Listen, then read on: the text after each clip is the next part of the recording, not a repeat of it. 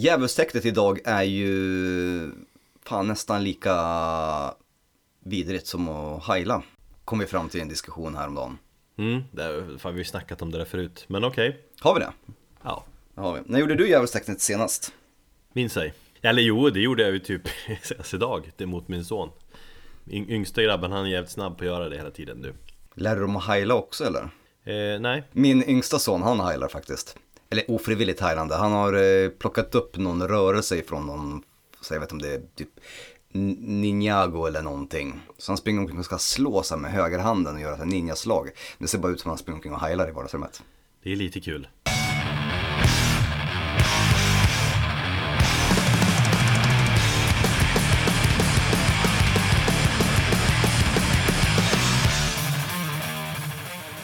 Välkommen då ska du vara, kära lyssnare, till avsnitt 111 av Metalpodden.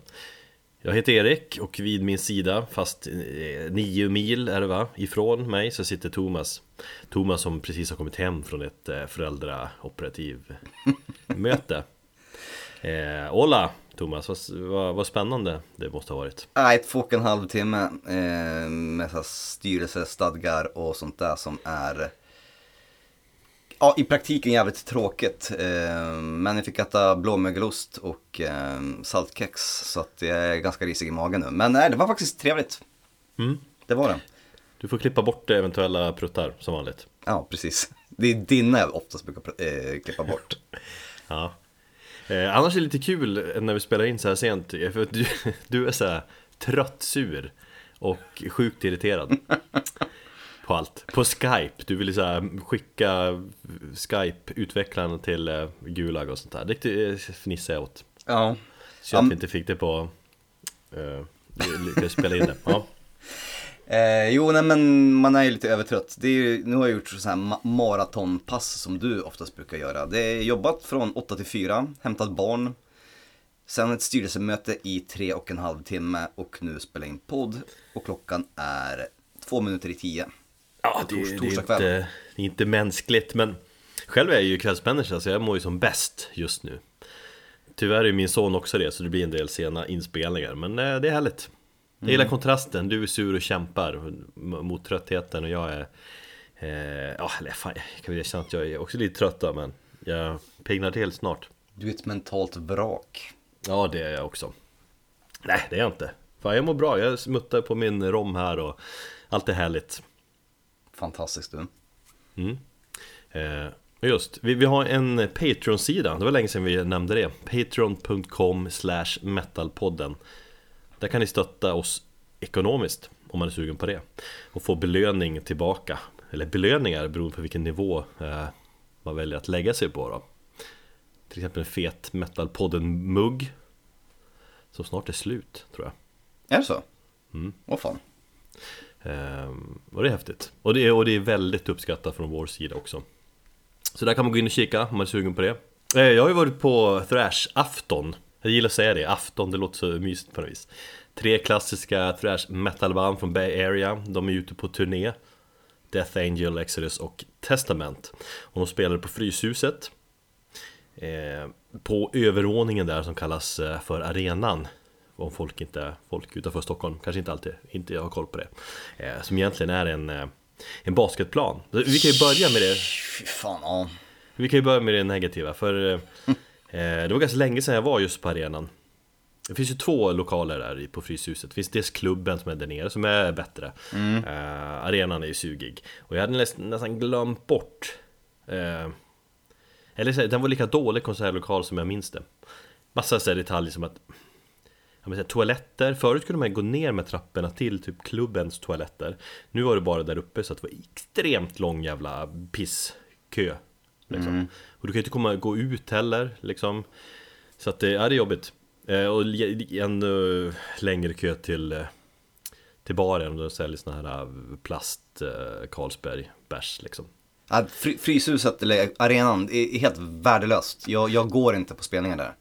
Det är märkligt. Och så är det lite synd också att det finns en bättre lokal. Eller jag tänker Annexet. Det är kanske inte en helt optimal arena heller så är den fan bättre än arenan. Och jag tror att maxkapaciteten är ungefär lika mycket. 3 500 tror jag har hört att både Annexet och arenan tar. Eh, men jag, hade, jag, jag har haft betydligt bättre konsertupplevelser på, på Annexet än eh, fucking arenan. Men i, annars, det var det negativa, annars var det härligt. Det var framförallt väldigt hög medelålder på uh, konserten, vilket uh, är kanske logiskt, men det är ganska ovanligt. Ska, ska, jag säga att snittet var kanske 40 år eller något sånt där. På publiken ja.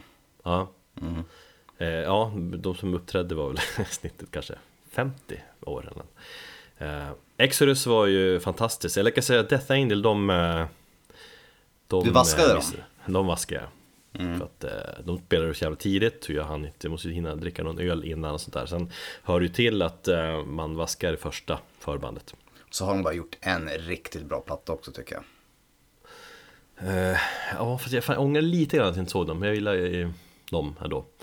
Eh, fast visst, de är ju inte på riktigt samma nivå som just Exodus som var fantastiskt bra trots att det var halvtaskigt ljud. Väldigt kul att se en viss Gary Holt igen. Fascineras över vilken jävla fantastisk liksom, utstrålning han har när man ser honom. Eh, men sen Testament, det var betydligt bättre ljud på. Och, eh, och de känns ju som super jävla proffs. Störd trummis i Gene Hogland där och jag gillar gitarrist-teamet där i Skolnick och vet han. Eric Peterson. Mm. Extra Alltså, jävla snyggt när Eric, när han inleder låt, låtar, många låtar som han inleder själv bara med, med gitarren och riffar ensam Eh, Ställer sig på här monitor med sin snygga Dean-gitarr Det är fint Alltså, överlag, jag har tänkt väldigt mycket på Testament. Eh, för att jag har fått en så här. Dels när de släppte singeln till det kommande albumet. Blev jag, alltså gick bananas på den. ja, Den är fruktansvärt bra låt Det är fruktansvärt bra eh, låt, ja.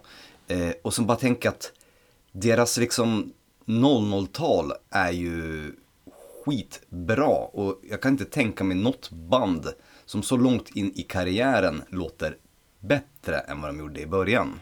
Om man nu ska jämföra med till exempel de andra thrashbanden. Alltså jag tycker Testament klår de flesta.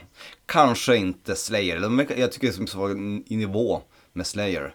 Eh, när det handlar om, om liksom energi och, och vem som levererar bäst på ålderns höst. Ja, alltså det beror på om man jämför med skiva Li- Live så var ju Slayer Live liksom menar jag också. oupptagna Där tycker jag Slayer var, ja sagt bäst Men på skiva gillar jag ju Testament mer Alltså får man kolla 00-talet Eller 2000-talet än- än vad Slayer har gjort Ja, jo. De Men känns bara- liksom, nej men känns jävligt angelägna även idag Och så de låter ju sjukt och ser jävligt fräscha ut tycker jag För sin ålder Alltså jag håller ju The Formation of Damnation från vad är det, 2008-2009 som typ deras bästa platta. Jag tycker den är så jävla bra. Och det var ju lite grann ett comeback-album efter att de hade varit borta ett tag. Jo Och efter Chuck Billys cancer där, eh, han har halscancer eller vad han hade. Så, så kände jag bara att de kom tillbaka och sen, sen dess har de bara levererat jävligt stabila plattor. Kanske Ja. lite oinspirerad den här sista, vad hette den då, Brotherhood of the Snake. Men, men fortfarande en del bra låtar. Jag bara tyckte att, fan det är, ja. Jag, är sjuk jävla testamentpepp. Jag hade gärna velat se dem. Nej men det- ja, trevlig kväll eh, Denna thrashkväll Även om som sagt lokalen, arenan drar ner betyget en aning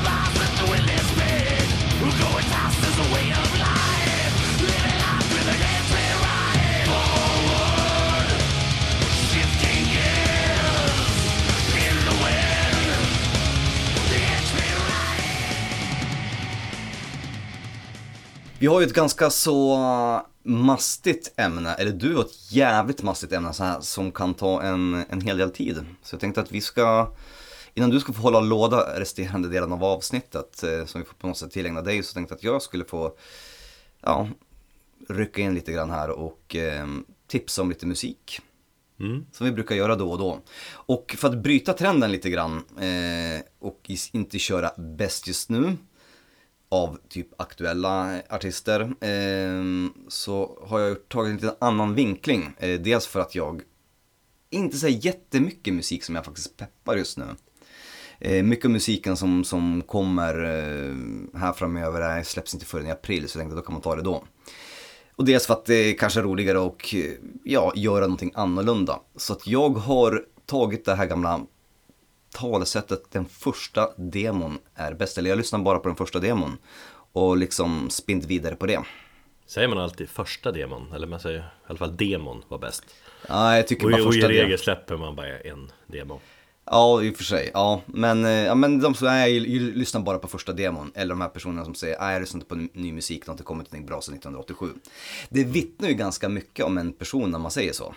Eller hur? Jag tänker att det är ganska typiskt eh, hårdrockare Om man ska hårdra det hela Just det där, det är nästan ironiskt att säga att den första demon var bäst Vad folk brukar säga är att de, ah, de var bäst med första plattan eller så här. Eh, Och sen blev de dåliga typ. eh, Och så har det väl varit någon som sa det någon gång, ah men demon Den var ju bäst och det är som så jävla löjligt eh, Ja, men man, ja, jag, man stöter på sådana människor lite här och var eh, då och då faktiskt. Ehm, och jag tycker så, det, dels tycker jag att det ger något sånt jävligt douchigt intryck, jag tycker att det är ett väldigt okunnigt intryck och någon form av så här elitistiskt intryck. Ja. Som egentligen är till den personens eh, nackdel för det släpps så jävla mycket bra musik. Sen kan man bara erkänna att du, som jag, erkänna att du inte har tid att kolla upp allting eller att du, liksom, du hinner inte. Men att du säga någonting och, och försöka leka e- elit bara för, bara för att du inte lyssnat på någonting sedan 1987. Det är bara, du framställer dig själv som en rövhatt. Mm. Jag håller med om Mm. Erkänn att du är gammal och inte hinner med helt enkelt. Det är någonting som jag försöker embracea här. Men i alla fall, jag har tagit det här första demon är bäst-tänket eh, och faktiskt eh, kollat lite bakåt i tiden på musik som jag har lyssnat på och eh, hittat tre band där jag faktiskt tyckte att demon är bättre än fullängdaren eller det övriga som kom efter demon. mm. Och tänkte att eh, tips om det helt enkelt. Ja, eh, spontant, ja, det, det är jävligt intressant eh, ämne på något vis. Mm. Eh, Jag hade velat göra en djupdykning lite grann också. Men det, det eh, jag tänker nu spontant, det är oftast en, råhet på demon som man, man lockas av. Och så sen kommer skivan och där är det liksom mer seriöst och mer polerat. Och därmed också lite, inte lika eh, avslappnat på något vis. Nej, och det är väl lite grann eh, av den utgångspunkten som jag har eh, nu när jag ska ta med de här tre banden. Och eftersom eh, jag, bara, när jag nämner Metallica i varje avsnitt så tänker jag då på Metallicas klassiska No Life Till Leather-demo som är jävligt fartfylld och skärmig och eh, livfull på alla sätt. Den är mycket mer ungdomligare. Och så kommer plattan Kill 'Em All som det är lite stelare på liksom. Möjligtvis, även om Kill 'Em All fortfarande är en svinbra platta, men ja. Eh, ja, Men ni får- demon, demon var bättre. ja, du gillar ju Lulu så du skulle inte säga någonting. Det gör jag väl inte. Vadå nej? Du har ju sagt det flera gånger, du har ju till och med sagt det i podden att du gillar för Lulu. Nej, jag, nej, jag gillar, jag, jag, jag har sagt att det finns riff där som är, det finns några jävligt bra riff.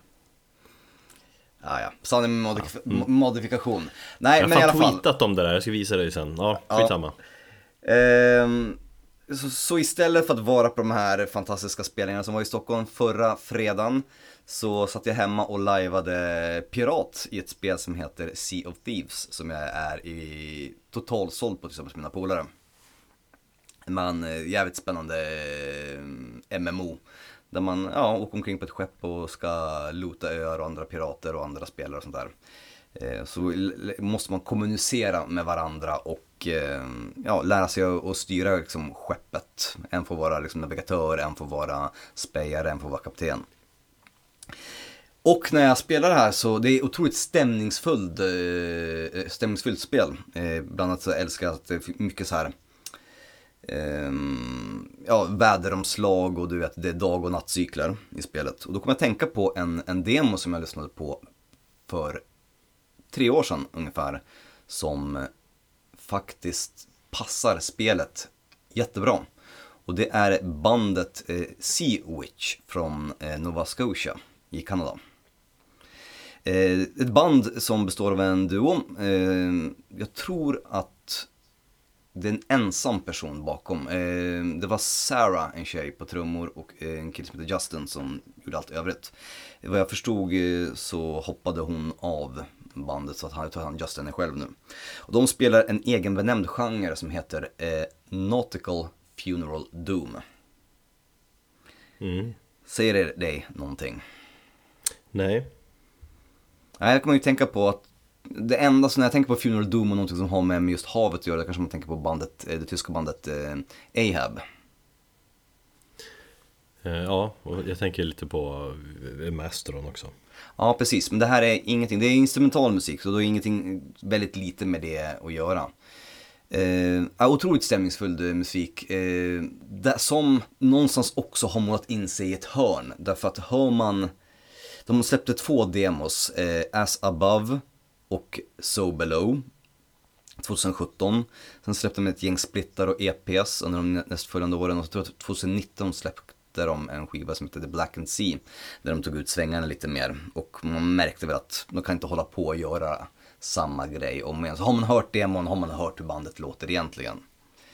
Eh, jag tror till och med har gjort någon splitter och testat att ta, med sin, ta, med, eller ta in någon sångare men eh, de övergav den idén.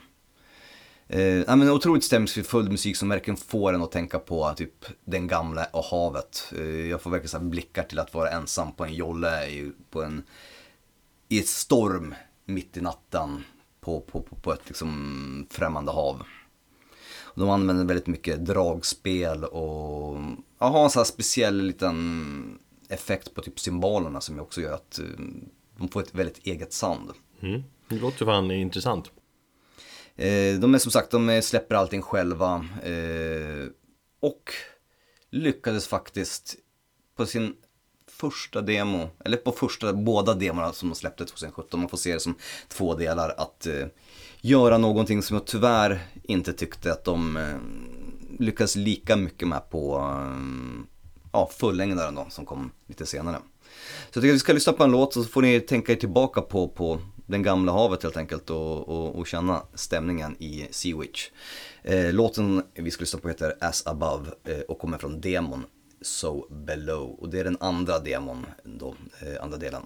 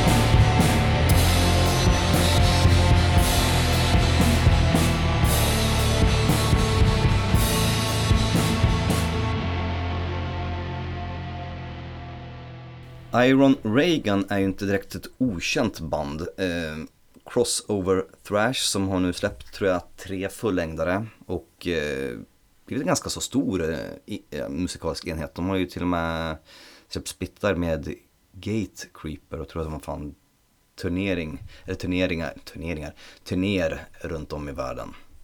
Eh, de är, eh, fan just det, det var den där splitten, men sen, annars var det väl ett tag sedan de släppte en platta. Crossover Ministry kom väl typ 2017-2018 har jag för mig. Mm. Ja. Så det var ett tag sedan. Ett så kallad eh, crossover supergrupp. Ja, precis. Med folk ifrån Municipal Waste. Det är ju då Tony Foresta som sångare i Municipal Waste. Som är kanske mest kända ansiktet. Sen är det ju folk från Cannabis Corps och eh, Darkest Hour. Mm. Som gjorde en, ja, de bildade en supergrupp och släppte en fyrspårsdemo 2012 som jag gick igång på totalt när den släpptes. Och sen dess har det aldrig faktiskt blivit lika bra. Eh, av flera anledningar. Eh, dels så tycker jag att eh, när Iron Reagan kom så var det väldigt mycket som tilltalade mig. Det var estetiken i, i själva demon och omslaget, bandnamnet, det var väldigt mycket det här svartvita, en bild på Iron, Re på Iron Reagan, på Ronald Reagan. Eh, och hela den här känslan med, med eh, och dels så var det ju någon form av, jag fick väldigt mycket eh, minor threat eh, känsla i, i, musiken fast att det var bara liksom lite uppdaterat till 2010-talet. Um, ehm, och hela den här dystopiska känslan med, med thatcherismen, det här nukleära, nukleära hotet som hängde under 80-talet. Eh, och många av de här vet, D-beat krustbanden eh, som, eh, som var populära. Samtidigt gjordes det ju lite så här med glimten i ögat. Att man man flörtade med den tiden. Eh, du menar att Iron Reagan gjorde det? Ja. Ja, absolut. På första demon, eller på den demon då, som släppte och sen även på fullängdsdebuten så flörtas det väldigt mycket på det. Sen så övergav de det och det var här, jag tycker att debutfullängdaren är faktiskt bra. De har tappat lite av den nerven som fanns på, på, på demon. Men den är fortfarande bra låtar, det är fortfarande väldigt mycket liksom, crossover, fast det är fortfarande mycket på hardcore-sidan tycker jag. Det är fortfarande politiska texter. Sen så börjar de morfas långsamt till ett Municipal Waste 2. Mm. Och det känns som att eh, vi har, alltså visst, eh, Municipal Waste, jag gillar dem. De har sin charm när det liksom när man vill ha den här lite mer party metal. Man vet, vill bara headbanga, skata och, och dricka öl. Ja, men ungefär som jag var på, på Bombus. Men och springa circle pit. Precis. Men hur ofta är det i, i vanliga fall? Väldigt, väldigt sällan. Ehm, så då har jag redan liksom mitt Municipal Waste jag är sugen för det. Jag vill inte ha det till. Och det jag gick igång på var ju som sagt hela den här liksom throwbacken till 80-talet. Eh, med demon och fullängden som sen så, ja, helt bara försvann. Och det tycker jag är jävligt ja, synd. Det kan jag köpa faktiskt. Eh, när vi lägger upp det så, det håller jag med om. Däremot har jag ju jämfört nu inför det här faktiskt demon med fullängdaren. Ja. Uh, det jag känner att, jag tycker demon är punkigare.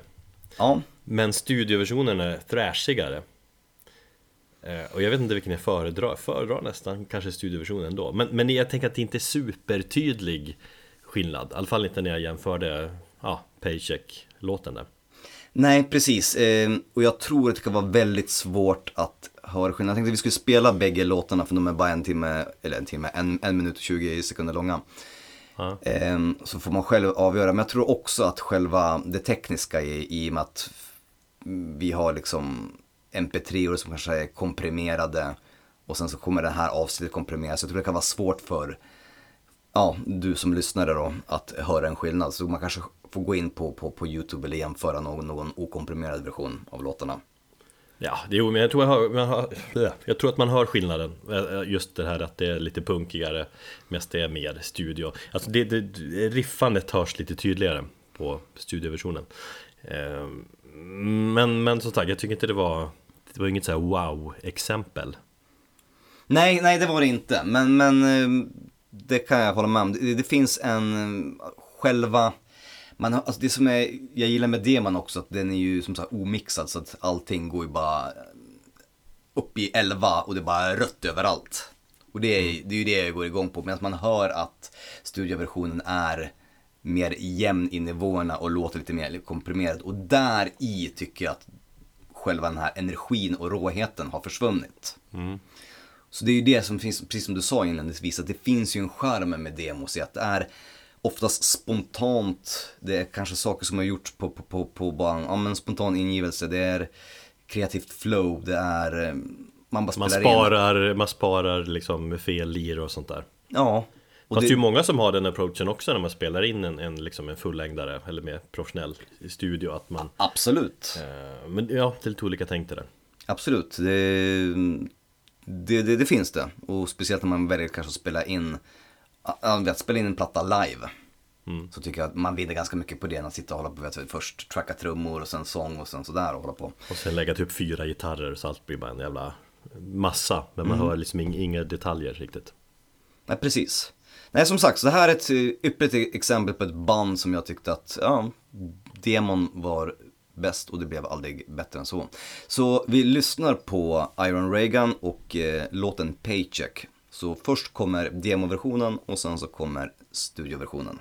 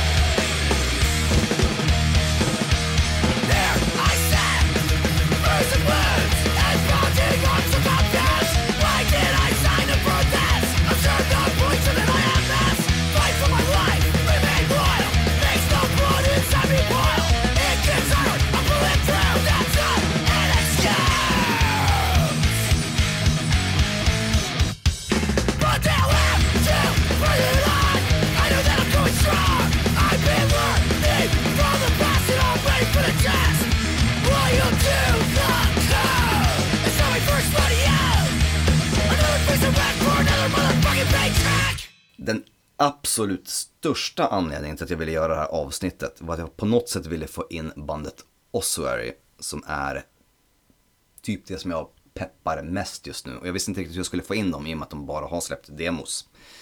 Ehm, har du hört dem för det första? Nej Inte alls, inte ens inför det här avsnittet. Nej, jag har inte hunnit med Fan, jag har jobbat Nej, då hoppas jag att eh, du blir peppad av, av min beskrivning här. Eh, Ja men Och det är så- lite coolt. Ja, det, Ja. det var då, de har inte släppt en, bara två demos. De har släppt två demos. Eh, första demon kom 2014 och eh, här nyligen så hittade jag faktiskt att de hade släppt eh, sin andra demo eh, under senare hälften av 2019. Så den råkade jag komma över av en, av en slump. Så det var bara in på Bandcamp och köpa den direkt. Eh, Oswald är inte ett direkt ovanligt eh, bandnamn. Det finns fyra stycken bara i USA om man kollar på Metal Archives. Detta är Oswald från Wisconsin. Och eh, trion som består av två tredjedelar av folk från Jax Thoth. Mm. Um, sen finns det några andra från Texas och, och ja, utspritt över eh, USA för att inte räkna ja, resten av världen också. Så det är väldigt svårt att hitta dem på strömningsplattformar om man inte vet hur typ deras eh, bandprofil ser ut eller hur deras log logotyp ser ut. Fan det där är ju lite klantigt tycker jag, liksom, speciellt om det är Okej okay, globalt om det finns flera med samma bandnamn, men just från samma land. Okej, okay, USA är stort så här, men om man... Det känns ändå så att man kollar upp en sån grej. Absolut, det kan jag också tycka. Eh, nu vet jag inte när de andra tre eh, som nämndes på, på Metal Archives, eh, som beskrivs där, när de kom och de verkade inte heller direkt vara jättestora. Det här är ett band som jag tror skulle kunna breaka snart om de bara får tid att eh, spela in en fullängdare. Eh, grejen jag ser också att nu när jag snabbkollar på Metal Archives så ser jag att alla fyra banden lirar ju eh, dödsmetall. Ja, ja precis. Eh, nej men som sagt, jag tror att det är ett band som kan slå igenom ganska snart i och med att jag ser också att det finns en speciell, men det finns en våg av just den här old school death metal från, från USA som är, går i den här stilen rent estetiskt eh, och ehm, ljudmässigt. Ehm, problemet är bara att det verkar bara vara ett sidoprojekt. Så, men folk skriker efter dem och eh, ja, de kassetterna som de har släppt, då, de har bara släppt på kassett och digitalt, har ju sålt slut ganska snabbt. Eh, men det är ett band som jag tycker st står ut eh, ur den här själva vågen från USA med alla de här Tomb Mold som kom, kommer Caustic Wound, ja alla som, som, har, som har den här väldigt den här ruttna estetiken. Och du vet, det är lo-fi omslag med bara svartvitt. Jag la ju upp en, en hel del händelser idag på, på vår Instagram med, med typ band som spelar den stu, stu, uh, typen av musik. Mm, jag såg det, eller jag fattade att det var något sånt du hade för dig. Ja, men det var det här lite svartvita lo-fi-tänket som jag hade. Det är liksom, jag går igång lite grann på det, det är min, mitt nya knark här just nu. Mm. Eh, men det är en dealbreaker för mig, eh, och det är sången. Eh, många av de här banden faller på att de har väldigt dålig eller odynamisk sångare. Som antingen inte kan growla eller bara gör det jävligt fantasilöst. Eh, Oswald från Wisconsin eh, har ta mig fan den bästa sången inom genren som jag någonsin hört. Och det står Issy Planket, eh, en tjej, för. Och jag har mig veterligen aldrig hört någon sjunga på det sättet. Det är ett väsande, nästan spöklikt eh, läte som låter, ja men det, det, låter, det låter inte som det, nu ska jag vara försiktig med superlativen så att de inte mm, håller på och överdriver, men det låter verkligen, det låter inte som en människa helt enkelt. Det är inget, det är inget djupt growl, det är, inget, ingen form, det är inget, inget försök att vara brutal eller, ha något lågt basregister utan Eh, det är bara ett så här väsande som, som mer, jag ger liksom eh, en, en form av känsla av en vålnad eller något sånt. Mm. Jag tycker det är jättehäftigt. Ehm, och jag tänkte, ja, jag kan sitta här och beskriva det i, i, i, i år och dagar och eh, inte göra rättvisa så får vi egentligen eh, lyssna på det. Mm, jag blir lite nyfiken när du beskriver det så. Fan, är förväntningarna nu? Lured by Cadence of Wraths.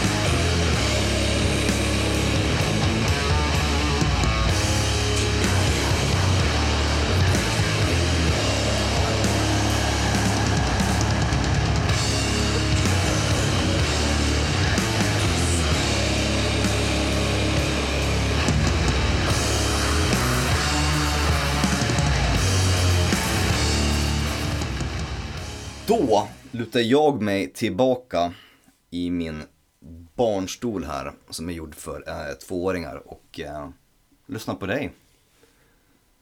Tack! Fan jag är slut på rommen här, jag tror det skulle räcka ett tag men Jag klunkade för att det var så gött. Men jag har vatten. Eh, Nu tänkte jag göra en sån där eh, specialare där vi går lite mer på djupet om ett band. Vi har gjort några sådana förut. Vi har snackat Eller du har ju snackat In Flames väl? Mm. Eh, Meshuggah Machine Head uh, Sleep Bolt Thrower har vi snackat Tool mm. Med flera Eller vi har grottat ner oss i liksom speciella musiker som Aaron Turner och Mike Patton Peter Dolving och så vidare. Vad har jag missat? Säkert några, men eh, skitsamma. Eh, och nu tänkte jag prata Neurosis. Eller, ja. Jag kommer prata och du kommer väl Du får hoppa in här och där. Jag sitter här och nickar instämmande. Mm. Ja. Eh, jag känner, ditt nickande. Eller hör det nästan. Och eh, vad ska jag säga då? Jag har tänkt att prata om Neurosis jävligt länge De har funnits där på listan av Du vet, potentiella ämnen sen starten tror jag Och det är helt enkelt eftersom det är min absoluta favoritband Men sen har du vet, man kollar upp diskografin igen Som består av 12 studioalbum och massa annat och så tänkt Hur fan ska jag lägga upp det här då? Och sen har jag lagt ner det Men nu gör jag det här Ja, det är bra, jag, jag är glad att du tar an någonting som vi har, eller som jag vet att du har velat göra och snackat om väldigt, väldigt, väldigt väldigt länge. Ja. Jag behöver få ur mig min kärlek för det här bandet, känner jag. Mm. Sen gillar jag att göra de här tillbakablickarna också, att gå igenom ett band, för då får man då får man liksom försöka formulera sig i ord varför ett band betyder så mycket. Det är mm. ganska intressant. Och äh, även när man går tillbaka och lyssnar igenom diskografin igen så återupplever man massa saker. Och man upptäcker massa nytt också som jag har gjort. Det är härligt, det kan rekommenderas. Mm. Eh, Neurosis det är ett sånt där band som har Det har påverkat väldigt många andra band Väldigt många genrer eh, De har också varit med och skapat eh, genrer Men det har aldrig varit ett band som Som har blivit mainstream Jag läste att de aldrig har nått Billboard topp 200 till exempel inför något skivsläpp Skulle de ha det? Nej men det brukar ju vara någon form av värdemätare Okej. Okay. Mm. I alla fall tidigare, jag vet inte hur Billboard-listan eh, Om den är intressant idag Men tidigare på 90-talet och kanske början på 2000-talet så har det väl Snackade man mycket om den ju mm. Den kom en ny metalplatta typ Åh, den kom in på Billboard, wow vad häftigt Dit har Neurosis aldrig kommit Och de har heller aldrig sålt guld eh, Och de är på något sätt fortfarande Underground får man ändå säga de turnerar väldigt sällan, fast ändå när de gör det så säljer de i slut liksom i stort sett överallt ändå vart de än spelar. De har ju lyckats behålla underground-credden hela tiden. Ja, har de verkligen. Och, men ändå liksom kunnat vara stora inom sitt mm. område. Bara mest för att de kanske inte har, att de har hållit sig inom sin, sin grej liksom. Det är ganska unikt känns det också för att många för att kunna överleva så måste man ju ut och turnera speciellt som det mm. ser ut idag Så visst det är det coolt att säga så bara men vi spelar bara typ någon spelning per år Och ändå det, är svårt att få ihop den grejen ekonomiskt och allt det där jo.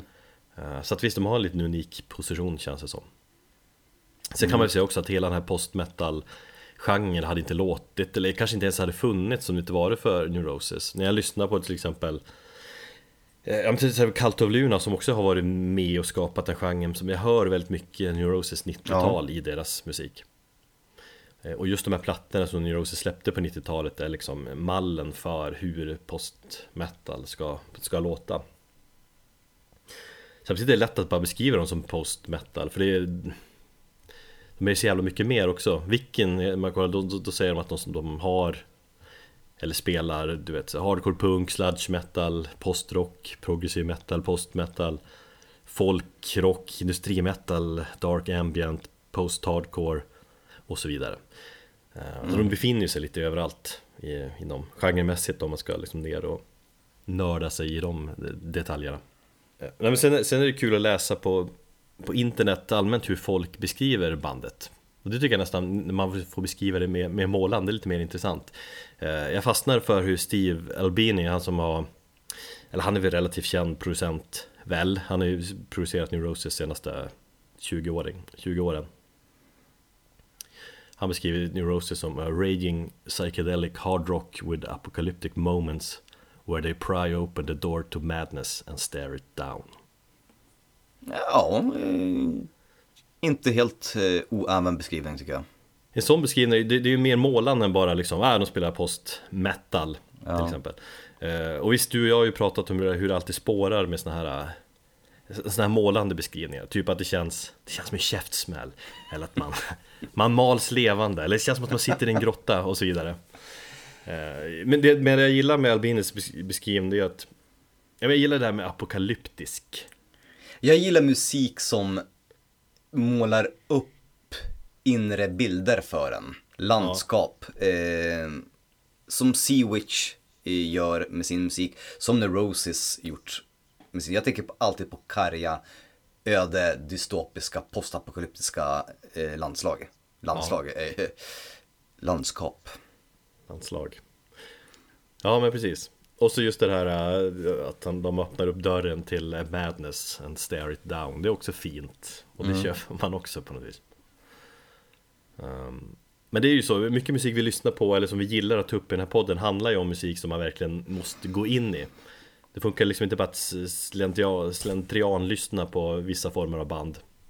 Det är Nej. inte typ som man har bara på i bakgrunden. Och för mig är just Neurosis det är liksom urtypen för ett sånt eh, band på något vis För när man lyssnar på Neurosis, det känns som att man måste hänge sig åt musiken, ta åt sig den du vet, Förlora sig i den.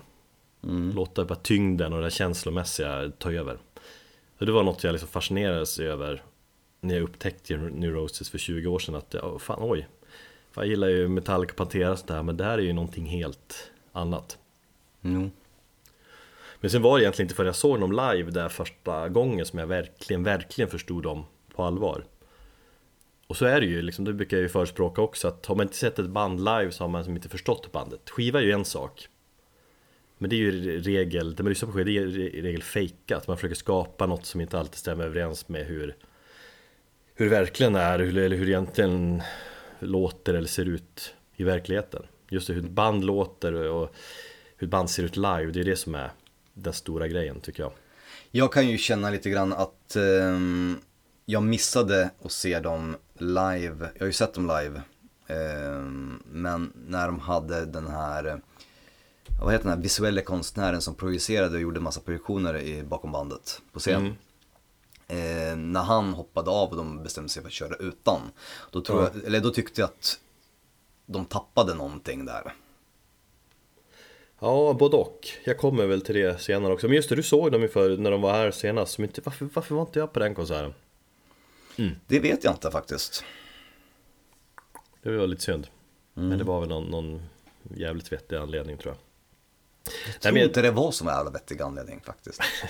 Jo, Nej, jag tror inte det. Men skitsamma, det var, det var några år sedan så jag, jag minns inte det. jag tror det var sjukt barn och där är man ju körd i regel eller något. Ja. Eh, ja. Fuck you, det måste ju visst vara jävligt vettig anledning. Jag var lite Jo. trött. ja.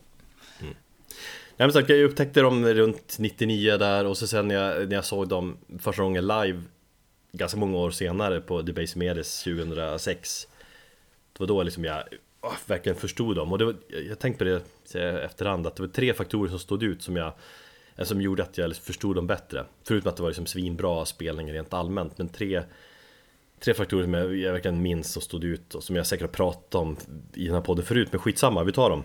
Mm. Eh, faktor 1, eller det, det var, de bad om att stänga av ventilationen. Eh, Jag har Ja, fått förklarat att det var deras krav att eh, Och det låter ju allmänt liksom idiotiskt ur hälsoskäl och, och sånt där och knappt lagligt. Men det här var mitt i sommaren, jag tror det var sent eh, Slutet av juni. Det var svinvarmt Och det är nog varmt hur som helst inne på konsertställen. Men det här var ju helt grisigt jävla varmt men de ville väl, du vet, svettas med publiken och publiken skulle få lida och leva sig in i musiken mer och Jag har typ aldrig svettat så mycket Och jag minns att det, det rann, inte droppar utan det rann svett från Scott Kellys näsa Då känner man, ja, det här, de här tar ju på allvar eh, Andra faktorn då som jag tänkte på, det var en, en kille som stod längst fram Eh, och det här är lite lustigt av flera anledningar. Men det var en kille som stod längst fram, förde upp handen mot Scott Kelly och gjorde djävulstecknet. och, höll handen och du vet, de två fingrarna mot Scott och Scott Han liksom bara stirrade ner honom. Tills killen i publiken blev lite osäker och till slut långsamt drog tillbaka armen. Det var precis som att Scott Kelly liksom telepatiskt pratade med killen att ja visst, hårdrock och djävulstecken och allt det där, det är ju vanligt. Och det är häftigt tycker ni, men det, vi har ingenting med det där att göra. Vi är här Nej. för att det här är på riktigt. Det här är liksom, det här är våra själar, så vi öppnar upp mot er. Så lägg ner det där jävla fjantiga tecknet. Ja, sluta göra djävulstecknet för fan. Sen träffade jag ju Scott Kelly efteråt Och bilden som jag visat för dig, då gör jag ju faktiskt djävulstecknet också Så det är lite fail Men Ja. ja, ja är han, glad. han, ser, han ser inte ner dig då eller? nej Nej men då var, han ju, då var han ju den här lugna, harmoniska killen som kände sig jäkla liksom Ja, men han kanske fick ut allting eh, ur sig eh, ja, efter själva spelningen. Jo men Men- verkligen Men jag tänkte också att han är ju en sån person som, om han stirrar ner dig så, så, så you're bound to lose. För att hans ögon kan ju se, man kan ju se galenskapernas ögon ibland. Ja det kan man verkligen Och så tredje grejen jag tänkte på De avslutade konserten med The Doorway då Eh, Och i slutet av den låten så blir det mest bara så kaotiskt med rundgång och det är tunga riff och det är trummor och jävelskap och Scott Kelly själv Man såg att han blev så jävla till sig, just den här galenskapen att han gick fram och skallade micken Typ ett par gånger. Så att det började blöda. Medvetet eller? Ja, ja. Ja. Eh, Så att det började blöda från pannan och blodet liksom rann ner från näsan och neråt.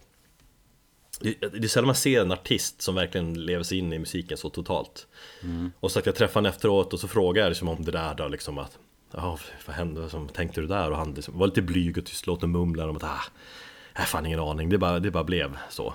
Ursäkta, typ Så det var ju som min slutsats, slutsats efter den spelningen var att ah, men de där New Roses, de är, de är fan på riktigt Mm. ett av världens tyngsta band. Och även om de... Eh,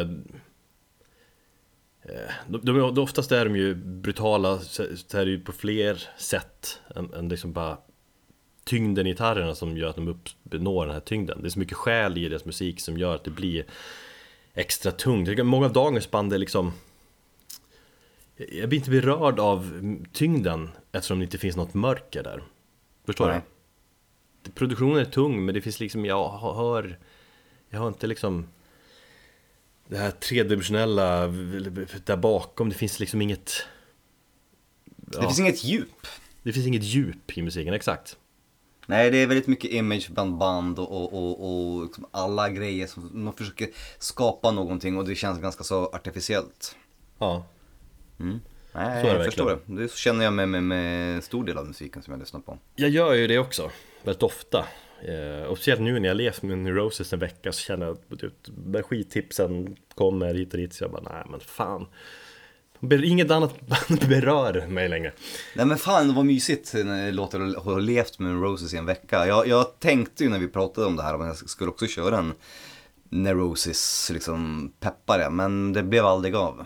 Nej, du får ta det i efterhand där och hamna Ja, ner i mörkret jag tror- med mig. Det är fan mentalt har det varit lite ganska, det varit härligt men det varit fan, det var kämpigt också. Ja, ja jag ska nog fan göra det. Ja. Samtidigt eh, får man ju säga just att den här extra tyngden och allvaret som de, de har kopplat på Det var ju inte Det var inget som de hade från början heller. Det tog ett tag innan de hittade hem om man säger så.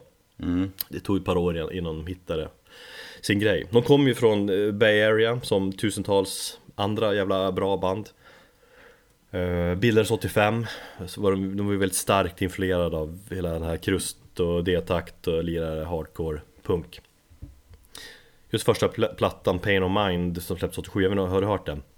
Ja, lite grann nog kanske den skivan som jag har sämst koll på. Ja eh, det, det är ju svårt när man lyssnar på den nu att höra någonting alls av vad- hur, liksom, hur bandet låter idag eller hur bandet skulle utvecklas till. Även om det, det är bra hardcore punk så här, men Det är som, har ingenting egentligen att göra med vad de blev sen. Nej, men, Kanske en, attityden liksom. Men ändå någonstans så la det grunden för, för, för något som skulle komma. Ja. Och sen eh, ändrades banduppsättningen lite. Gitarrs, Gitarristen hoppar av och så kom Steve Fontill in som ny gitarrist och sångare och så tog de också in en kille som skötte keyboard och, och samplingar eh, och den grejen. Mm. Och på andra plattan, The Word Is Law, så hör man att man hör att bandet börjar eh, förändras. Även om det i grunden är det ju liksom mycket hardcore så är det lite mer komplexa låtstrukturer, det är lite längre låtar, lite lugnare partier på något ställe. Så man hör och känner liksom hur bandet börjar muteras och hitta, hitta ja, sin grej på något vis. Mm. Vilket är ju ganska klassiskt också.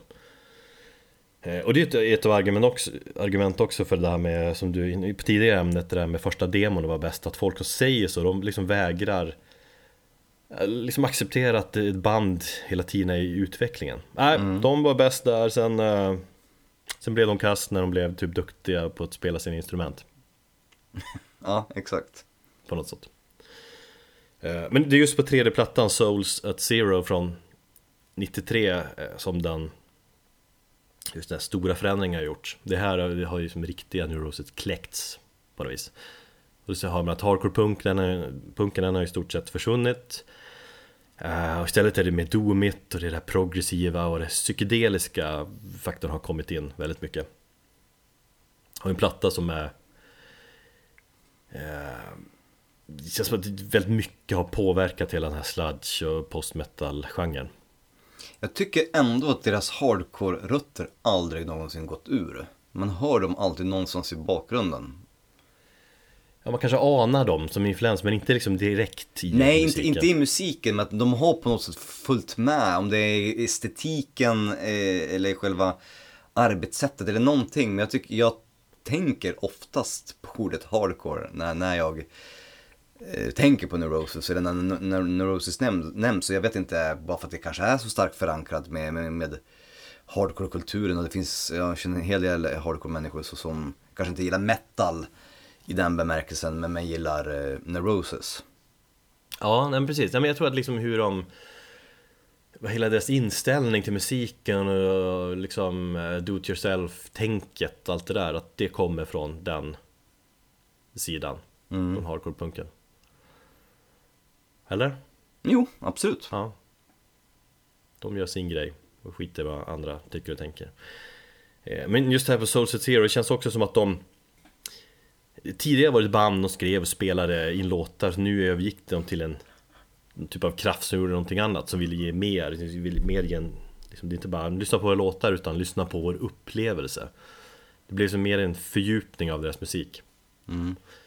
Sen har jag tänkt också att det, det kräver nog ganska mycket att ta ett sånt steg, för det skiljer, det är verkligen en jävla utveckling. Det kräver ju nog en hel del mod också. Eh, för de snöade in på massa psykedeliska grejer och gamla filmer. Jag läste en intervju med Scott Kelly att en väldigt st stark bidragande orsak till det hela var ju att LSD fanns med i bilden också. Och det kan okay. man tänka att det knarkades en del. Mm.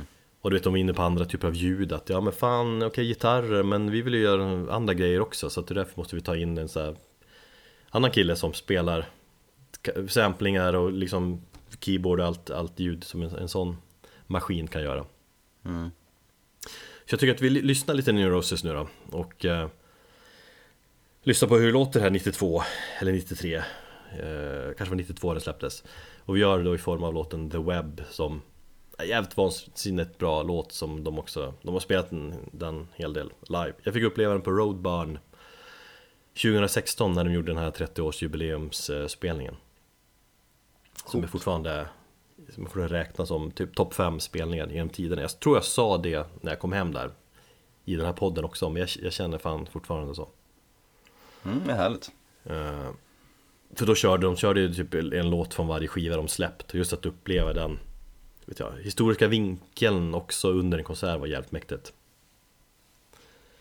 en, detalj också som står ut lite mer på de äldre plattorna är att basisten Dave Edwardson, han sjunger ju mycket mer.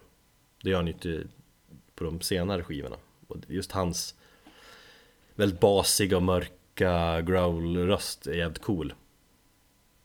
Och, mm. eh, och de, då är de ju tre sångare.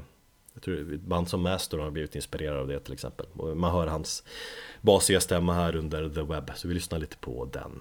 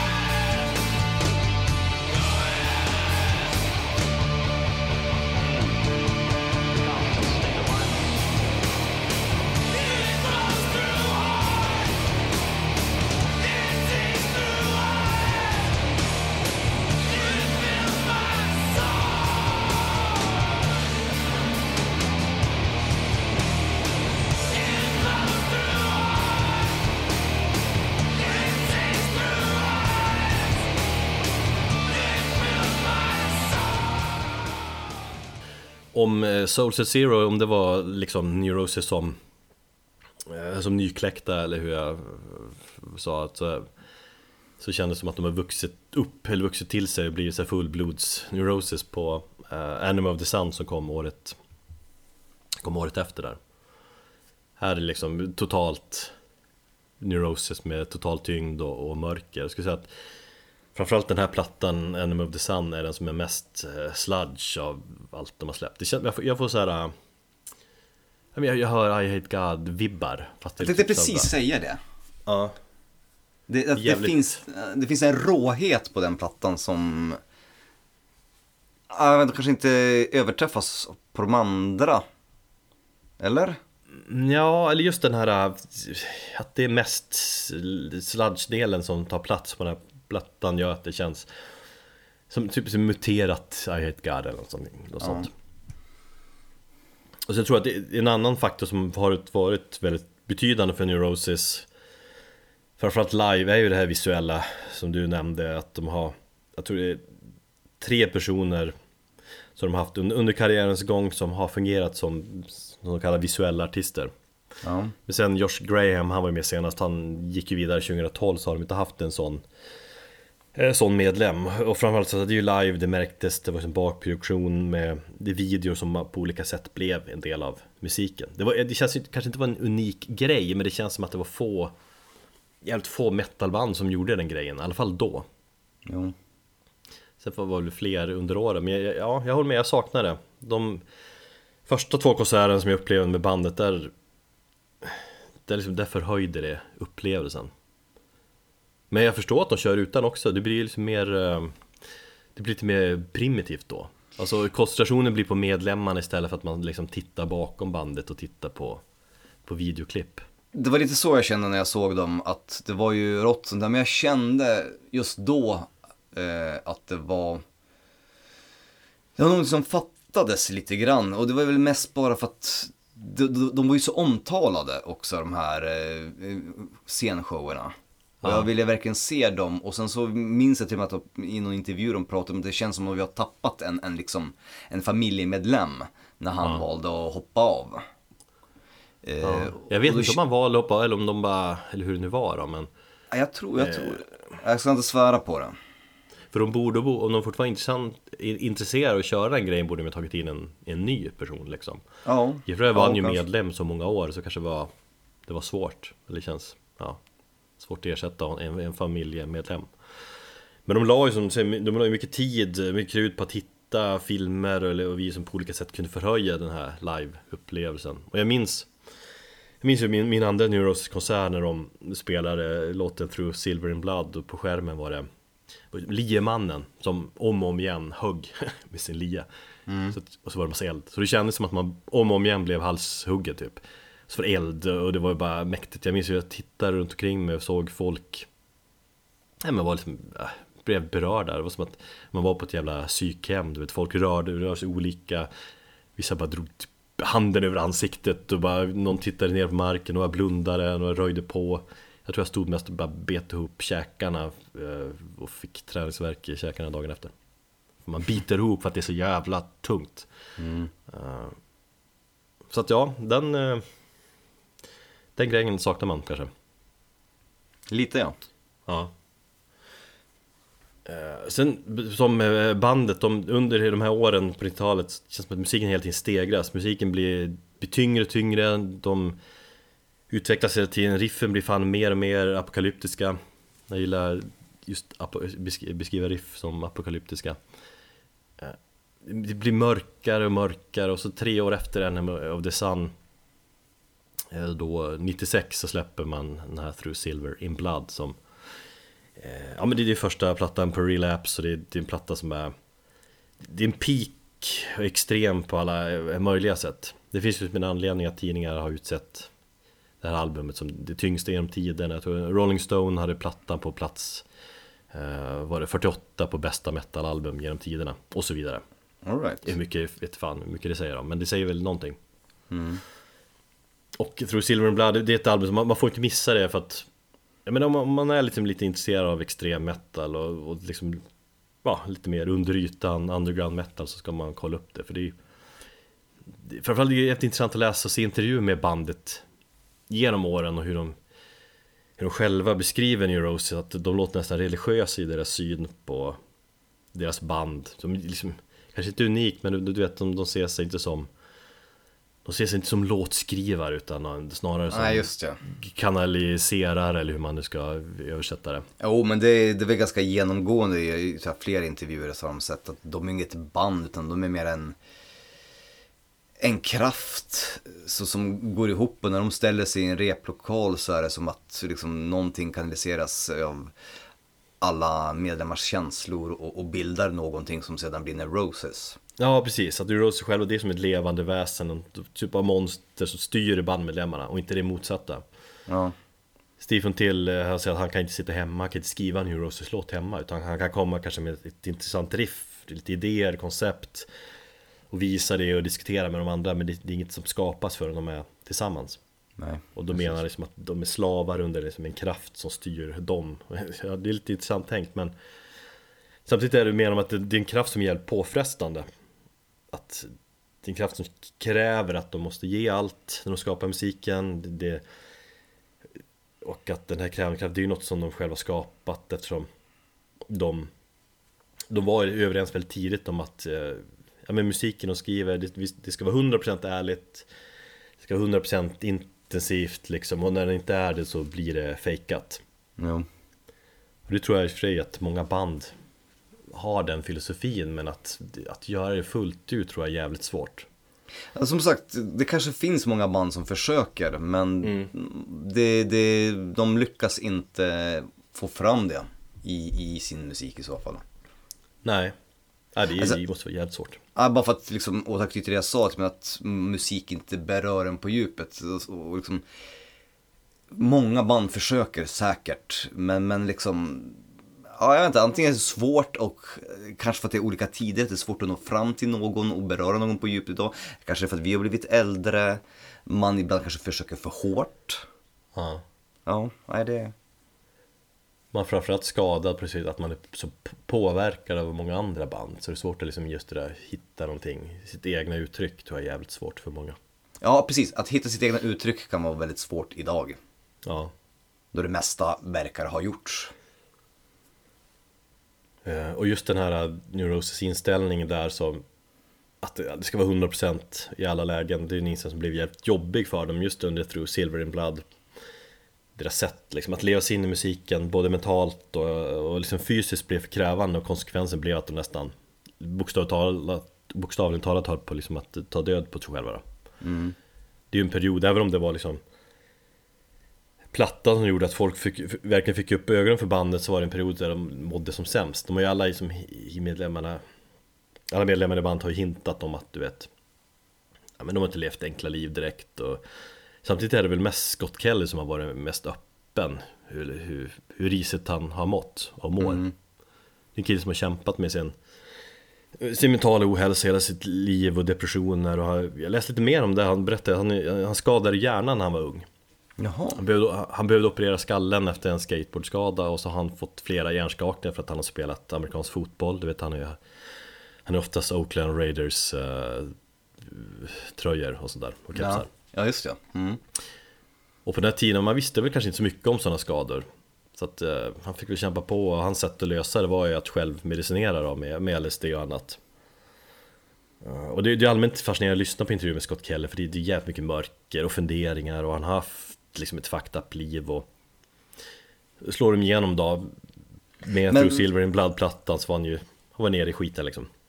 Eh, har det framkommit varför han hoppade av eh, Europasvängen nu, vad var det för något år sedan? Men vad var det, var det Mirrors for Psychic Warfare? Då han gick ut och, eh, och eh, officiellt sa att jag måste tänka på min mentala hälsa och han in allting. Ja, eh, var det senare som Masteron tog med honom en sväng till för att du ville hjälpa honom?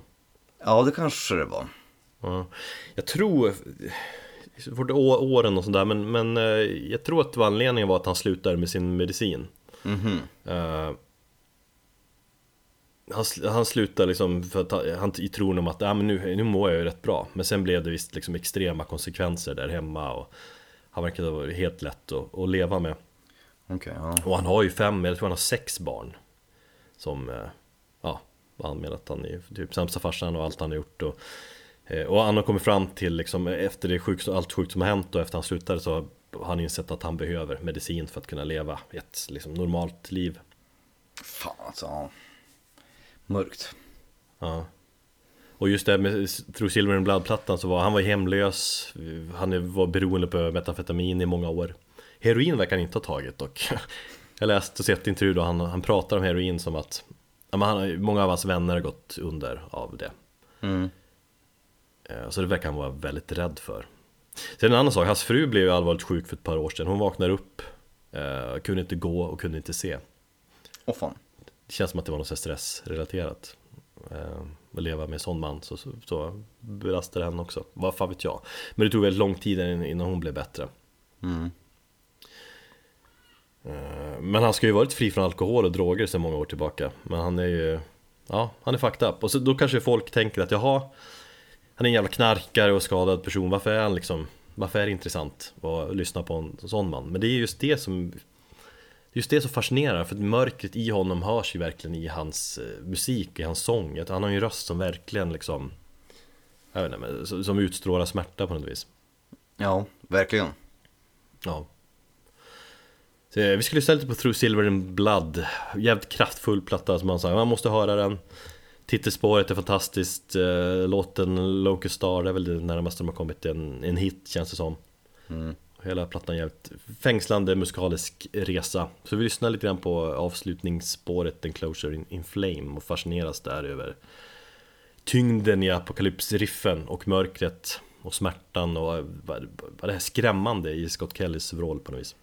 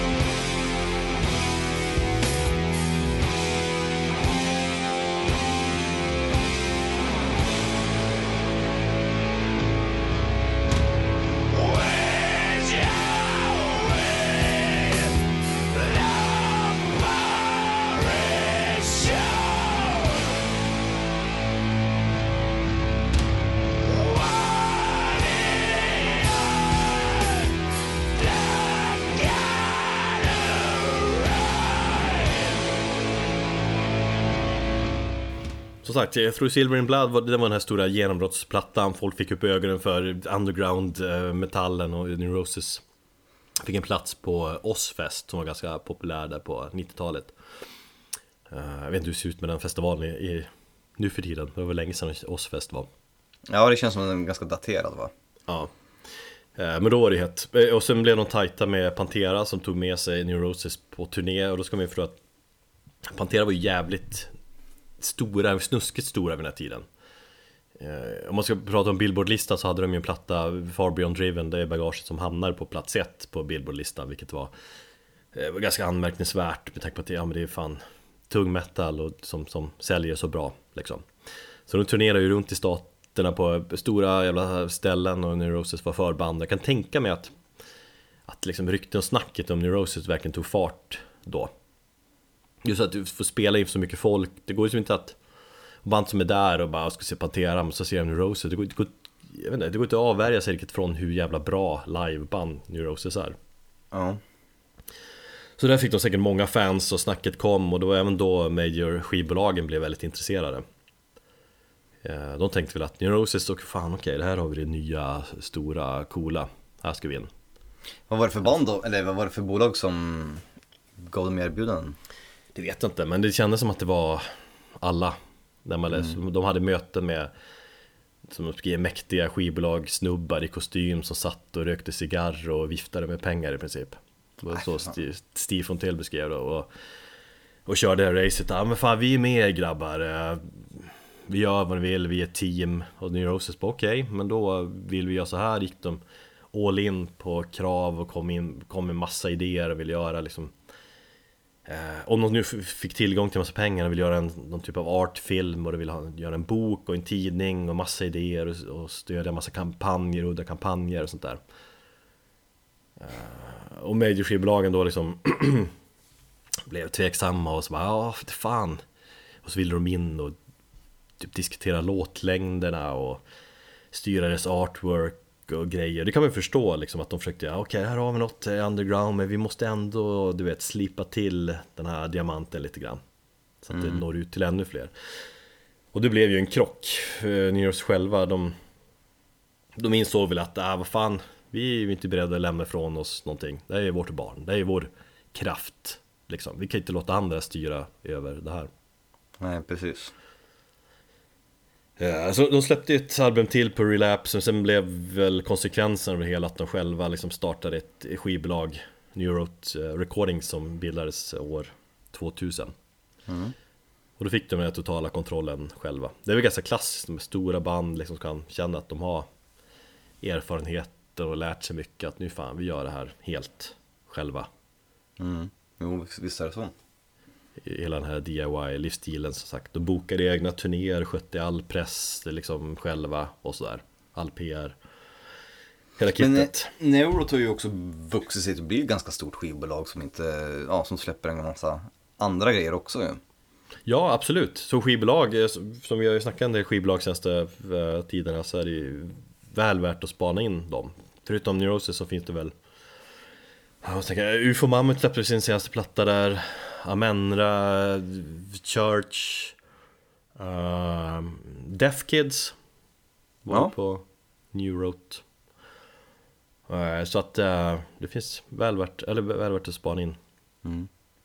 Jag tror idag har de väl eh, valt att Uh, gå, gå tillbaka lite grann, de samarbetar med så här, booking agents och sånt där igen. Men de menar liksom att de, de jobbar fortfarande med mindre agenturer och mindre PR-bolag som de känner och är, är vänner med. Så att de gör det ändå på en eh, De vill ha allting väldigt nära, du vet. Uh, Men innan de bildade skivbolaget så släppte de ju som sagt en platta till på Relapse nämligen Times of Grace uh, 99 Och det var här som jag sagt upptäckte Neurosis så det är en ganska helig platta för mig Jag vet inte, när, när började du lyssna på bandet? 2003, 2004 ungefär i samma veva som jag upptäckte Isis, eh, Panopticon-plattan. Eh, och det var ju med eh, In the Eye of Every Storm som eh, jag upptäckte Neurosis med. Det är lite speciellt att upptäcka dem med den plattan också Ja, det är ju därför jag håller den plattan högst. Ja Ja men det är väl klassiskt, och, och det är väl därför jag håller Times of Grace högst För att det var då man upptäckte dem och Jag tänker, jag tror Silver and Blood, visst det är deras, deras peak i, liksom, i det totala mörkret. Men då tycker jag Times of Grace, det är deras peak rent eh, Rent låtskrivarmässigt, det är deras liksom bästa album musikaliskt och i Den mitt har en- tycke. Ja, den har en av mina favoritlåtar. eh, Och sen tänker jag också att det är en platta som känns ganska så här typ förlåtande mot, mot sig själva. De har liksom varit och krälat i, i, i, i Alltså, ja, grunden. Ja, precis. Och att de på något sätt kommit upp och hittat någon form av respit och, och, kan andas ut lite grann. Och de känner att de har kanske kommit till en punkt i livet där de kan slappna av lite grann. Därav namnet Times of Grace. Att det finns en väldigt stor, stark personlig koppling i den också. Ja, alltså som sagt, om man jämför mellan De har tagit in mer ljus på plattan Väljer mm. att se Det är becksvart tidigare men nu tar man in ljus och det är väl Framförallt är det det som är så jävla bra med den här dynamiken mellan det extremt tunga och mer atmosfäriska Gör det jävligt bra. Sen Jag tror att man behövde liksom välja den, ta den vägen helt enkelt för att överleva. Det gick inte att hålla på med där nere i mörkret. De behövde öppna upp sig lite grann, behövde släppa mm. in lite ljus. Och tack vare det så får man en mer varierad platta också. Sen tror jag en annan orsak till att jag är jävligt svag för skivan är att det, är den här första plattan som Steve Albini var producent på. Eh, han har ju lite mer, produktionen är lite mer organisk tycker jag. Jag tycker det höjer skivan mycket, det andas Skivan andas mer än tidigare. Mm. Det är så, just med Neurosis mått mätt är den lite, lite ljusare, lite lätta men samtidigt är den ju extremt hård och tung emellanåt. Men det är sagt, det är dynamiken mellan de här två lägena som är så jävla bra. Så att, mitt tips är liksom om man ska börja då, liksom det här fan 12 studioalbum, vart börjar man med New Roses? Då tycker jag ändå ska börja med Times of Grace för att man får lite av båda världar på något sätt. Just ja. Mm. Och sen när man kommer in i den här plattan, då kan man gå vidare och så kan man utforska diskografin ytterligare. Men på tal om tyngd och uh, på tal om aggressivitet så tycker jag vi lyssnar på låten The Doorway som jag är extremt svag för, inte minst för att det här inledningsriffet, det är fan ett av, det är världens argaste riff som har skrivits, tycker jag. Och man gillar ju arga riff, så njut av det.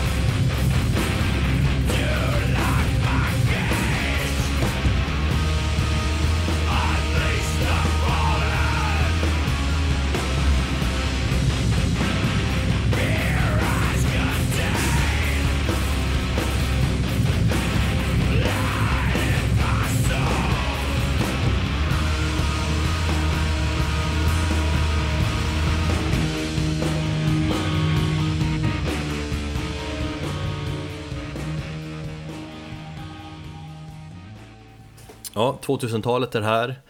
Eh, Neurosis fortsätter att eh, utveckla sig och den här liksom Den här kolossala väggen av tyngd från 90-talet försvinner bort lite grann. Neurosis börjar ta in mer influenser av folkmusik i deras sound. Det är mer eh, Om de var mer post-metal förut så är det mer post-rockigt nu Kan man väl säga. Mm. Ja, kanske man kan.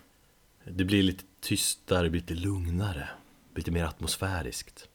Det är nog därför jag, jag går igång så mycket på den skivan.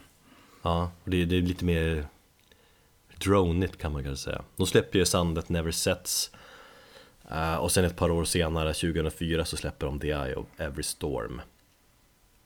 Just. Uh, och jag, jag vet inte, om jag tycker att Times of Grace är deras bästa platta så tycker jag att The Eye of Every Storm är den platta som har påverkat mig mest. Jaha. Och, även, och även dig. Ja, hur har den påverkat dig då?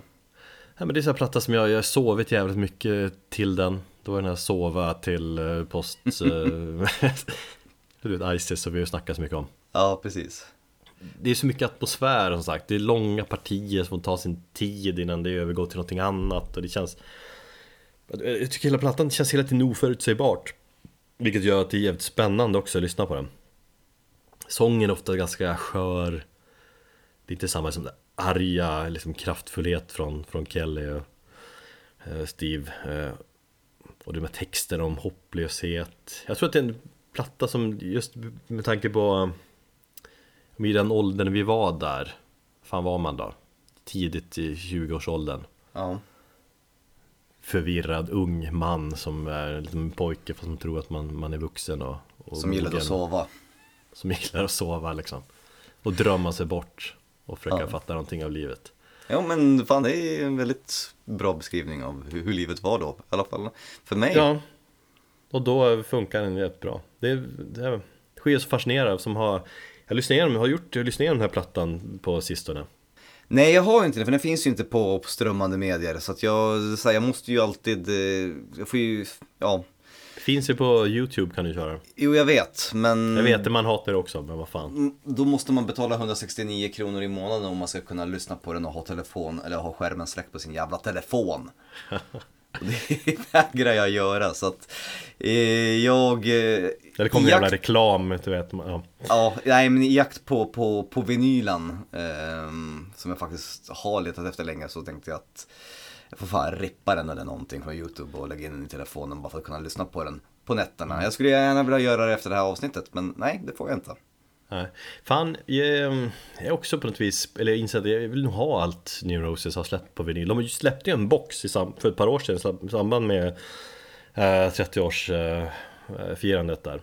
Med alla, jag tror det går på typ två och ett halvt och eh, det är remasterat och, och nya skivomslag och grejer med, med alla skivorna med. Fast man vill liksom ha, jag vet inte, original skivomslagen Jag känner också det, det är också en anledning till att jag tycker att boxar så här. Ja, ja, Ja, för att jag hittade ju som sagt eh, en reissue av eh, In the Eye of the Storm och den från 2016 och den har ju ett nytt omslag och det känns såhär, nej jag vill ju ha det här gråa, det som, Gråa, jag gick, ja. som jag gick igång på där 2004. Ja. Inte, en, inte någon ny brun variant. Jag tänker att det är väl därför de gör, alltså, ja men okej, vi, nu släpper vi den igen Tio år senare eller fan det är och, eh, och gör någonting nytt, lite ändrar om omslaget och grejer Men då bara, men fan varför gör ni det? Jag vill ha den som den var Jag, pr- jag pratade med en kompis om, om den där plattan. Det, det har varit något strul rättighetsmässigt eh, kring, kring den skivan. Eller det var någonting så att, som gör att det därför inte finns på Spotify eller inte finns på Apple Music. Eh, ja, jag vet inte. Men det har som gjort att det har varit svårt att kunna återutge den på det sättet som de har velat. mm. Så någonting eh, har, ja, har det varit med, med, med skivan. Vad kostar den då? Eh, ska du ha eh, alltså, någon av de första pressarna där är från 2004 så går de på ja, tusen spänn minst. Är det så? Vad fan? Jag hittade en eh, reissue som faktiskt säljs i, här i Sverige eh, av en köpare på Discog som han skulle ha 450 spänn för den. Ja, det är ju Av- lite av- mer Ja, av reissuen med, med inte originalomslaget. Så att, eh, nej men jag bara kände, och sen så kollade också, det var många av de där som inte ens var, vet, de var inte mint utan det var very good eller good liksom. Så de är nog ganska sönderspelade också. Så det känns som att tusen spänn för, nej det är inte värt det. Fan, det är trist Det är verkligen en skiva man vill ha Jag har den på CD men jag vet att den hoppar på ett ställe också Jävla flippers! Ja De här Discog-tuntarna. De ska hålla på att trissa upp priser. För- Förklara det där, flippers du, Nej jag vet inte, det var bara, jag såg det på Reddit, eh, någon som snackade om, om vinyler och så sa de att bara jag missade första pressen och nu går det inte ens att köpa den. Eh, Nej du, det var faktiskt kassetten på um, Ossuary. Den, var, den sålde slut på en dag, han skulle köpa kassetten och de hade trissat upp priserna. Då, då, då be, benämnde han dem som, som flippers. Så det är tydligen ett, alltså folk som, som köper grejer, inte som fan eller de, de kanske vet att någonting har ett, har ett stort värde om det blir eftertraktat. Som till exempel folk gjorde med um, Sleep-vinylen, eh, eller Sleeps senaste skiva. Två sekunder efter att den var släpptes så fanns den ute för 5000 spänn på Discogs. Ja, det är för fan, det är, det är gulag på de människorna alltså. 25 år minst. Nu tycker jag vi, eh, vi ska fascineras lite av The Eye of Every Storm jag, jag, jag lyssnade igenom den ganska nyligen och ja, jag, någonstans gillar den ännu mer nu. Jag förstår den mer nu. Det är länge sedan jag gjorde det, lyssnade på den förut. Eh, så här, vi hoppar in någonstans där i slutdelen av titelspåret. The Eye of Every Storm, så tänker vi att vi, vi befinner oss där i stormens öga med kaoset alldeles intill. Men här i, här i mitten, här är det lugnt för tillfället. Hör du meteorologen Erik?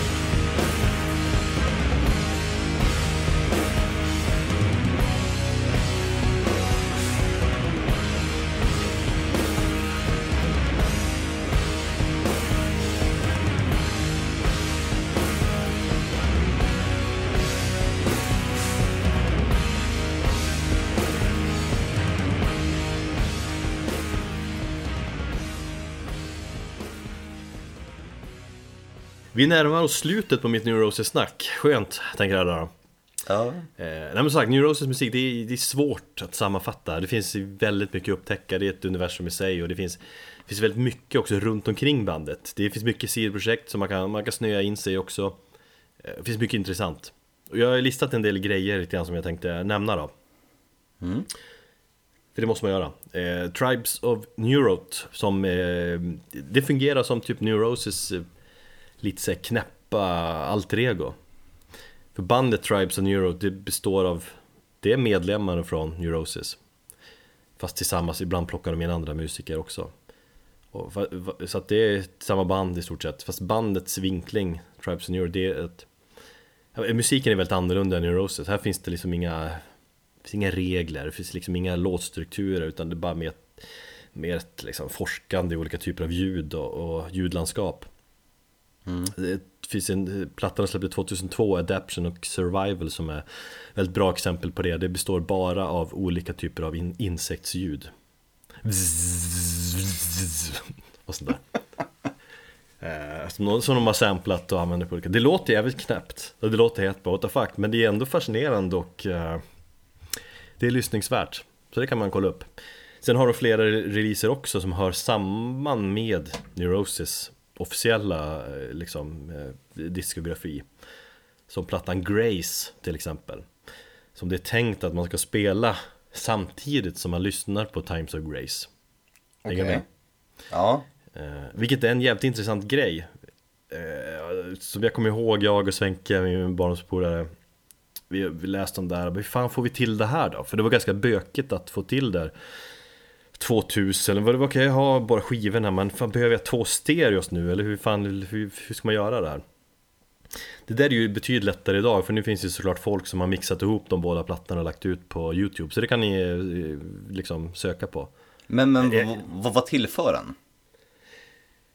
Man, man, måste lyssna för att förstå det men jag, jag kan rekommendera för det är en jävligt speciell upplevelse man blir Man blir typ lite åksjuk när man hör det fast på ett bra sätt tror jag okay. Det är liksom det, det är lite bakgrundsljud och det är lite knäppa grejer och det känns som att Ja, det är två olika grejer som spelas fast samtidigt ändå inte. Det blir, det blir som en tredje dimension på musiken på något sätt. Okej. Mm. Ja, hur som helst, det är en jävligt eh, intressant grej att göra. Eh, annat exempel, Josh Graham där, han före detta då, får man säga, visuella artisten i Roses. Han har ju haft och har en jävla massa band som till exempel Red Sparrows, Storm of Light. Eh, Ah, där ser jag en koppling som jag inte sett förut. mm. Ja men den kopplingen gjorde jag ganska tidigt eh, och det är ganska bra. Battle of Mice har han också ett band. Alla Just ja. de tre tycker jag är jävligt intressanta att kolla upp.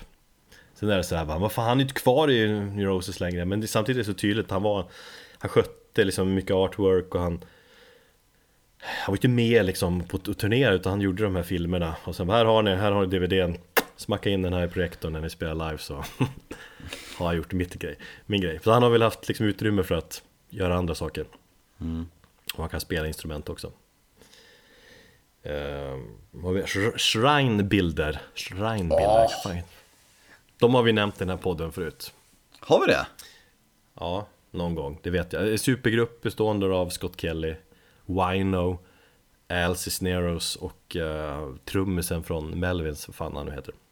Faktiskt sjukt bra och bara kollas upp om man inte har missat. De har bara släppt en platta och mer känns inte som att det kommer att bli heller. Men Nej, men jag, jag tror att de har väl eh, officiellt sagt att de hatade varandra efter den där plattan. Det gick inte att samarbeta, det var så otroligt svår, svårt att göra någonting ihop. Så att eh, de såg inte att det var troligt att de skulle göra någonting ihop igen. ja, Att de gillade, alltså de gillar varandra som, som, som, som människor, men just de, den koncentrationen på, vet, var det inte Wino och typ Scott Kelly som, som inte kom överens? ja jag tror de nu i efter, någonstans i efterhand har de inte kommit överens än och sånt där. Okej. Jag tror när de släppte skivan var det, pratade de om det, att det var ingen häftig upplevelse det här var och sådär. Och var jävligt stolt över den produkten de fick ut, men sen har det väl kanske skitit sig i efterhand. Ja, det är en svinbra platta alltså. Ett annat jävligt bra sidoprojekt, eller vad man ska säga, eller sidoband, det är Corrections House. Det, det stönar också. Ja, det gör jag. Lite tydligare, kom igen. Men det är ju debuten eh, som är eh, bättre. Eller som är, ja, ja, den andra alltså, How to carry a whip blev ju, den blev jävligt industriell. Ja, det är väl inget fel på det. Nej, Men jag håller med, inte. debuten var, eh, jävligt bra och det är också någon typ av ja, kan man säga supergrupp då, med just, det är Scott Kelly igen och så är det en viss eh, Mike Williams. Yes, från I Hate God. Kolla upp det också. Mm. Och så är det trumpet. Eller nej, det är saxofon, ursäkta. Eh, som används, eller hur? Det gör det säkert faktiskt. Nu tänker jag, jag bara, bara försöker minnas. Eh, Last City Zero, så hette debutplattan ja. Mm. Ja, Nej men att jag kommer ihåg det, men jag såg ju dem ju på Roadburn och då var ju saxofonkillen med, jag hade aldrig sett en med- snubbe som headbangat så jävla intensivt och så spelade han saxofon. Det var så bara, fan saxofon, det är det, det är det nya metal. Eh, som vi sa någon gång. Ja, det har vi gjort. Det finns faktiskt flera, ja vi får faktiskt ta ett avsnitt om det här, men det finns flera instrument som jag har märkt som funkar jävligt bra i, i metal. Men saxofon, vi har eh, dragspel eh, i Sea Witch, vi har fan tramporgel är jävligt bra. Fan, dragspel. Ja, Ja, det, här, är något, ja. det känns som ett eh, framtida ämne. dragspelsmetal. Nej men allmänt instrument som kanske inte hör hemma i, i metal vanligtvis. Ja, jag, jag har funderat lite grann på det här faktiskt under dagen. Let's suck a little bit more on that caramel. ja. Eh, Blood and Time, bra eh, eh, akustiskt folkmusikliknande projekt med Scott Kelly. Det är mycket Scott Kelly, han är aktiv. Eh, Josh Graham är med där också, Noah Landis, han som sköter eh, keyboard-samplingar idag i Neurosis. Ganska stämningsfullt och coolt. Sen är Steve Fontilli också en jävligt upptagen snubbe. Han har ju haft eh, Culper Ring, så här ambient industriellt projekt. Harvestman kör vi liknande. Han har även ett soloprojekt som heter samma sak som hans namn. Just ja. Det har ju Scott Kelly också. Även om jag, jag går igång mer på Steve Fontills, eh, i alla fall hans första solplatta var jävligt bra. Ja men det är ju ganska det är ju en folkrock va? Ja, det är det. Så enkelt, men mörkt. Eh, trummisen Jason Roder, Roder, vad säger man? In Roses, han spelar ju också i ett litet sidoprojekt eh, med ett band som heter Sleep. Just Bör man väl bara nämna sådär. Och så kan jag avslutningsvis då nämna, eller rekommendera faktiskt, Scott Kellys, eh, som sagt det här Noise Industri bandet Mirrors for Psychic Warfare som Var det förra året de släppte debuten? Nej, det måste vara två år sedan Ja, jag tror det var två år sedan. Ja, som jag tycker är faktiskt jävligt bra Industriellt och mörkt och det, det är Scott Kelly och Man anar något på, vis, på något vis hans eh, eh, mentala ohälsa i, i det hela Vilket gör det mörkare och ballare. Mm. Och sen finns det såklart ännu mer också att utforska. Så om man, ja, man kan gräva sig djupt ner i Neurosis universumet och eh, man kan bli vilse, vilse där nere och eh, aldrig lyckas ta sig upp riktigt. 2007 så släpptes Given to the Rising, en skiva som eh, jag, vet inte, jag tycker på många sätt man går ifrån det här ambienta som man släppt tidigare då, början av 2000-talet och, och tyngden är eh, tillbaka på något vis. De har tittat Just. lite bakåt.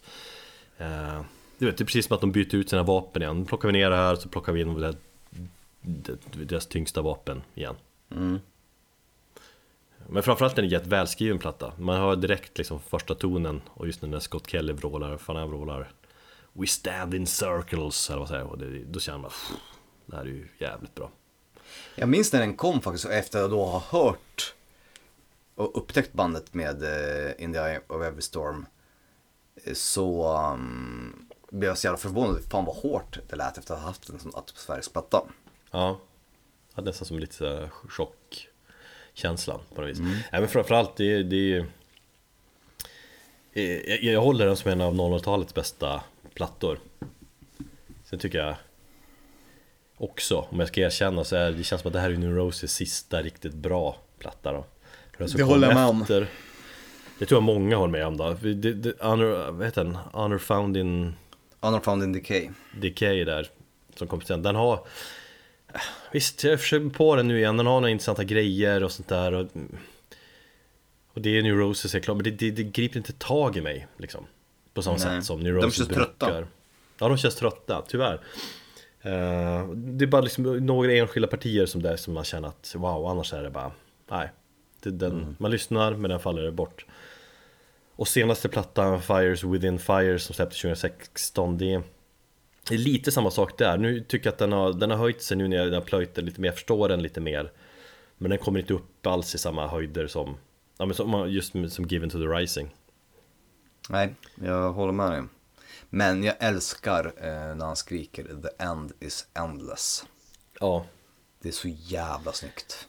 ja det, tänkte jag säga också Ja, det är så jädra snyggt, fan i mig Nej men i övrigt så är det ju faktiskt två plattor där de känns ganska trötta. Under den här tiden så ser man ju också att eh, Scott Kelly har ju blivit ganska sliten. Alltifrån liksom tappat händer till, till att bli, ja, gammal helt enkelt. De kanske inte har samma energi längre. Fast samtidigt så När man ser dem live så är det ju fortfarande Alltså, då finns de där Ja, absolut. Men på skiva så kanske man inte orkar hela vägen. Vänta. Nej men visst, bandet så fan de har funnits 30 år, över 30 år, de har alltid varit så liksom extremt banbrytande på så många sätt. Det är väldigt svårt då att komma på någonting nytt som än en gång du vet tar världen med storm liksom. Ja, Fan 30 plus år in i karriären. Jag tror, jag tror säger jag och så tänker jag, jag hoppas att de har en till monsterplatta i sig någon gång. Eh, där de gör någonting eh, radikalt annorlunda igen eller någonting, ta en annan sväng åt något håll. Fan vet jag hur de gör men ja, det får vi väl se vad framtiden säger och så.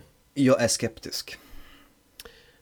Ja, fan jag vill se dem live igen i, i, mitt liv här. Så, eh, så ska jag bli nöjd sen kanske. Ja, det var Neurosis.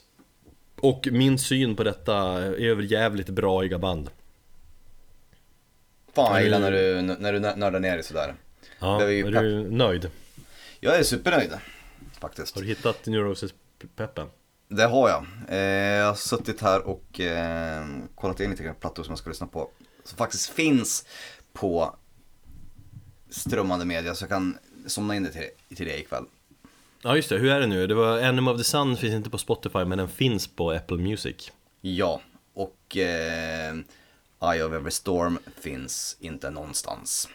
Nej program på YouTube och då får man lite reklam och grejer. Men det är väl härligt som sabbar allt. Jag tycker att vi avslutar podden med att köra slutpartiet från låten Water is not enough från plattan Given to the Rising. Jävla olycksbådande det där partiet. Och fantastiska trummor av Jason. Och tungt. Och helt jävla bortom tungt eh, live. Så vi lyssnar på det och så säger vi vad säger vi då? Godnatt och välkommen till mörkret Känn det apokalyptiska vansinnet.